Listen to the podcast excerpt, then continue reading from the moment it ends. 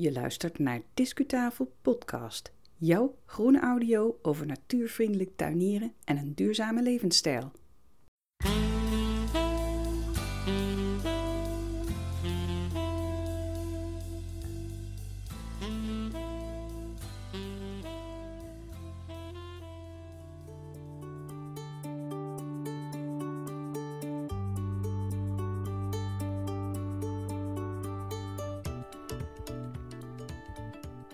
Nou, dat is een feestelijk muziekje deze keer, want je bent zomaar terechtgekomen in de honderdste aflevering van Discutafel Podcast. Deze staat online sinds 6 mei 2021. Fijn dat je er weer bent. Mijn naam is Yvonne Smit. Ik had heel graag een feestje met jullie gebouwd, maar op het moment dat we deze aflevering maken, zitten we met z'n allen nog steeds in een pandemie. Dus ik uh, koester me maar in de wetenschap dat er toch honderden oren aan het luisteren zijn, ook al zie ik ze niet. Wacht, laten we toch even die sfeer scheppen. Wat die honderden oren betreft, die hebben kennelijk zo zijn voorkeuren. Als ik uh, een kleine terugblik mag doen van de afgelopen drie jaar. We zijn begonnen in maart 2018 en we hebben downloadcijfers vanaf juni 2018.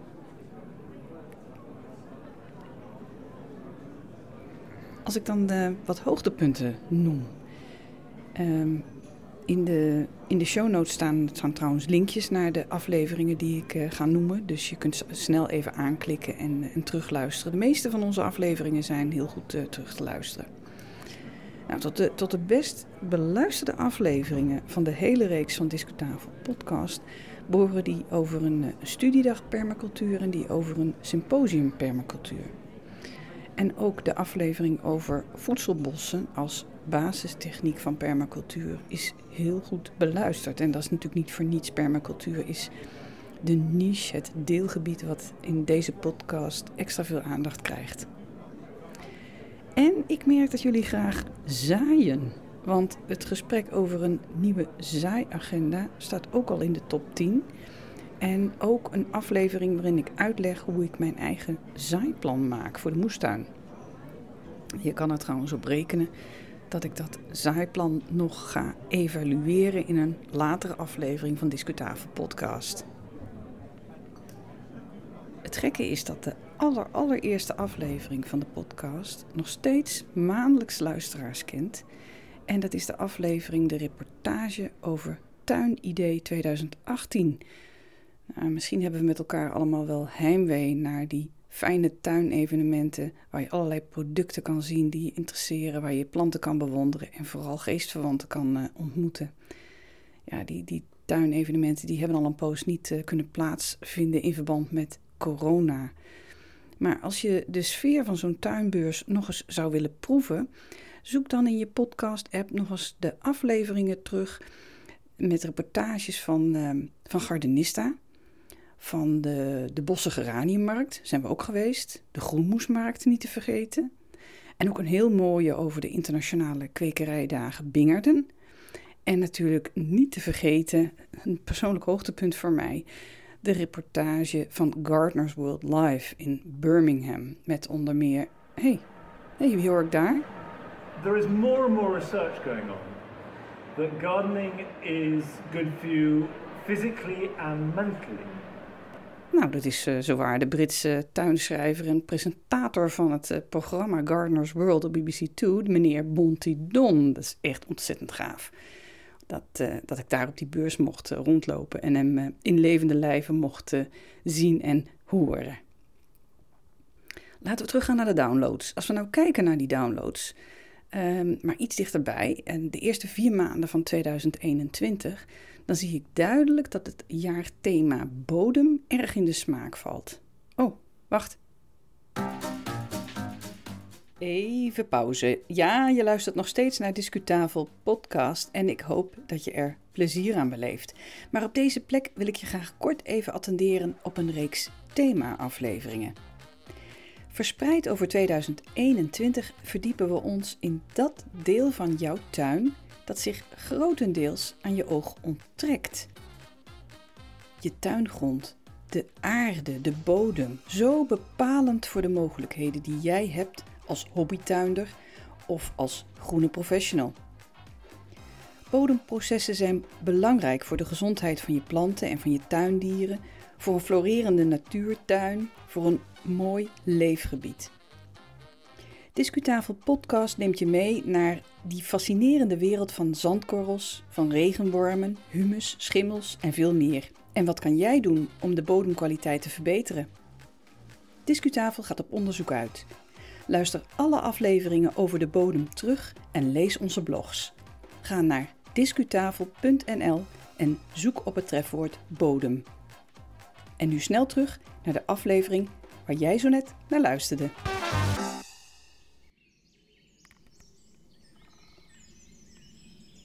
Uiteindelijk kwam er toch een feestje vanwege onze honderdste aflevering, ondanks het feit dat jullie daar niet fysiek bij kunnen zijn. En het eerste wat al opviel was dat um, de tuin werkelijk een, uh, een feestversiering uh, had aangetrokken. In een mooie lenteperiode.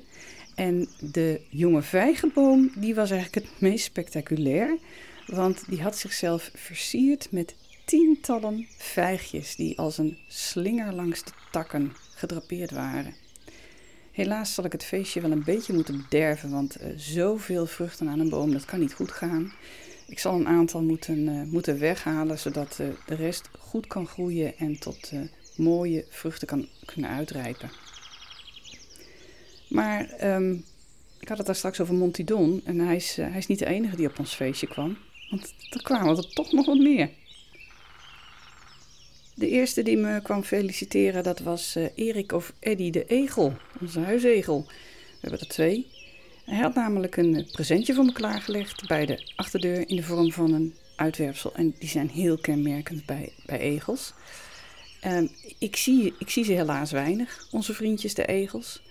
Maar ze zullen heel blij zijn met het uh, ecologische tuinbeheer wat wij hier voeren. Um, wij zorgen ervoor dat ze genoeg voedsel hebben, jaar rond. Als dat nodig is, voeren we bij met kattenbrokjes. Wij zorgen voor allerlei materialen waarmee ze hun nest kunnen maken om te overwinteren of een, hun nakomelingen in, uh, in te krijgen.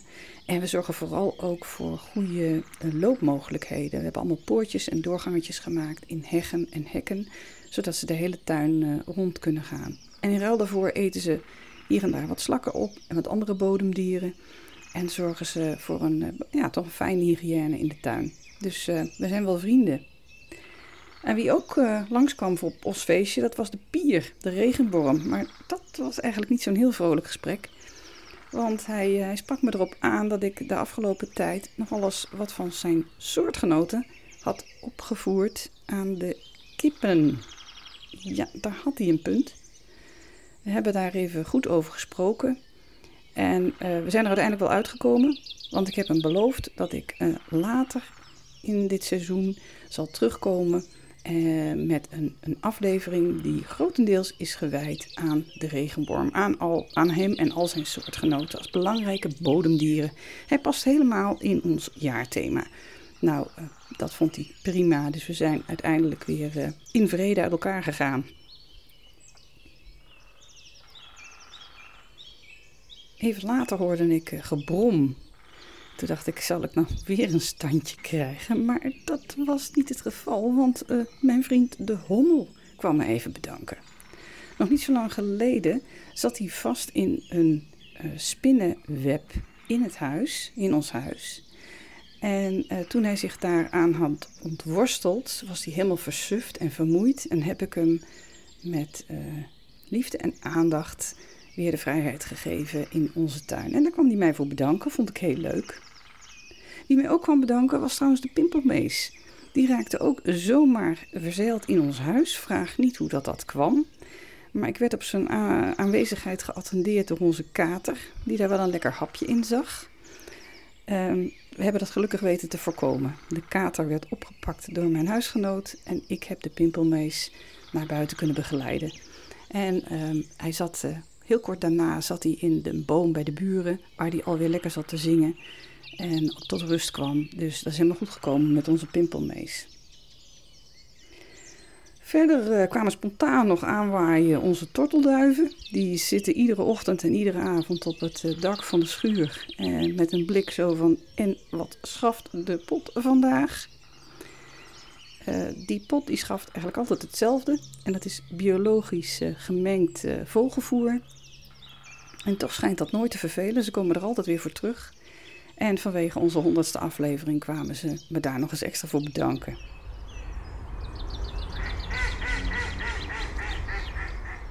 En natuurlijk kwam de wilde eend voorbij. Hij vond het zo geweldig destijds dat hij een centrale rol had in maar liefst twee afleveringen van Discutafel Podcast. En zijn vrienden de bruine kikkers in, uh, in de vijver, in onze vijver in de tuin, die zorgden voor het achtergrondkoortje tijdens ons feestje. Uh, ook zij zijn blij met het beheer van, van de vijver. Um, ik laat de vijver grotendeels uh, zijn gang gaan.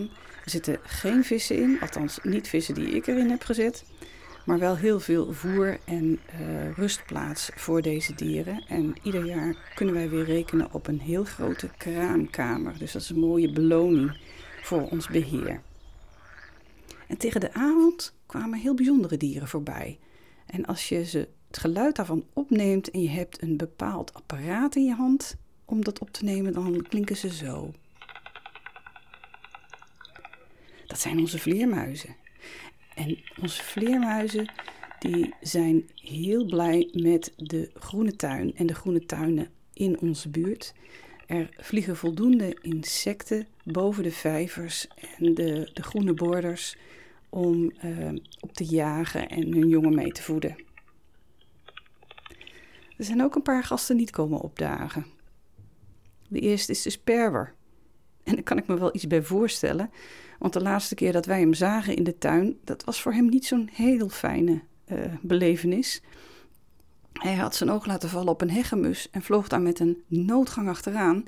Maar hij had geen rekening gehouden met de hekjes die ik her en der in de tuin heb gezet. Die hekjes die, uh, zijn ervoor bedoeld om de kippen te geleiden om de borders heen en om de moestuin heen. Kippen mogen niet overal in de tuin komen. Maar dat was eventjes uh, een verrassing voor onze sperwer. En toen die helemaal versuft, tijdelijk een paar seconden lang in de lavendel zat, toen wist die hegemus gelukkig te ontsnappen. Ik kan me voorstellen dat de sperwer uh, ons feestje eigenlijk niet zo de moeite waard vond om naartoe te gaan. Ik vraag me wel af of Barry de Bunzing is geweest. Die is één keer bij ons in de tuin geweest. We hebben hem waargenomen, we hebben hem goed kunnen bekijken. Maar uh, in het feestgedruis uh, heeft hij zich niet laten zien. Dus ik weet niet of hij er geweest is. Nou ja, al met al was het een geweldig feestje vanwege de honderdste aflevering van Discutafel podcast. En die honderd afleveringen waren er niet geweest zonder al die gasten, zonder jullie luisteraars en zonder onze supporters. Discutafel is een uh, serieuze nevenactiviteit van mij. Er zit veel tijd in, dat kan je wel begrijpen. En ook wat onkosten. En als jij deze groene audio waardeert en een handje wilt helpen, word dan onze supporter. Neem je petje voor ons af. Luister hoe je dat doet.